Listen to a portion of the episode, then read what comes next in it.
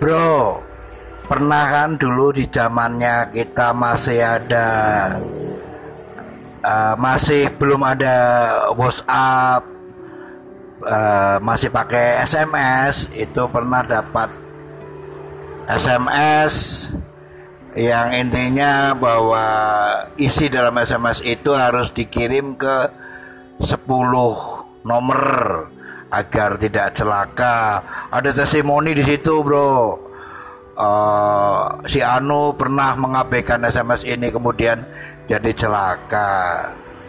Saya karena takut celaka, jadi saya kirimkan tuh ke 10 uh, saya kirimkan 11 malah ke nomor yang ngirim ke saya itu copy paste saja tak kirim 10 ke nomor yang ngirim ke saya itu. Semuanya 10 itu bro. Dan sebelahnya saya tulis kapok ora kudu nulis 10 kali 10 100 SMS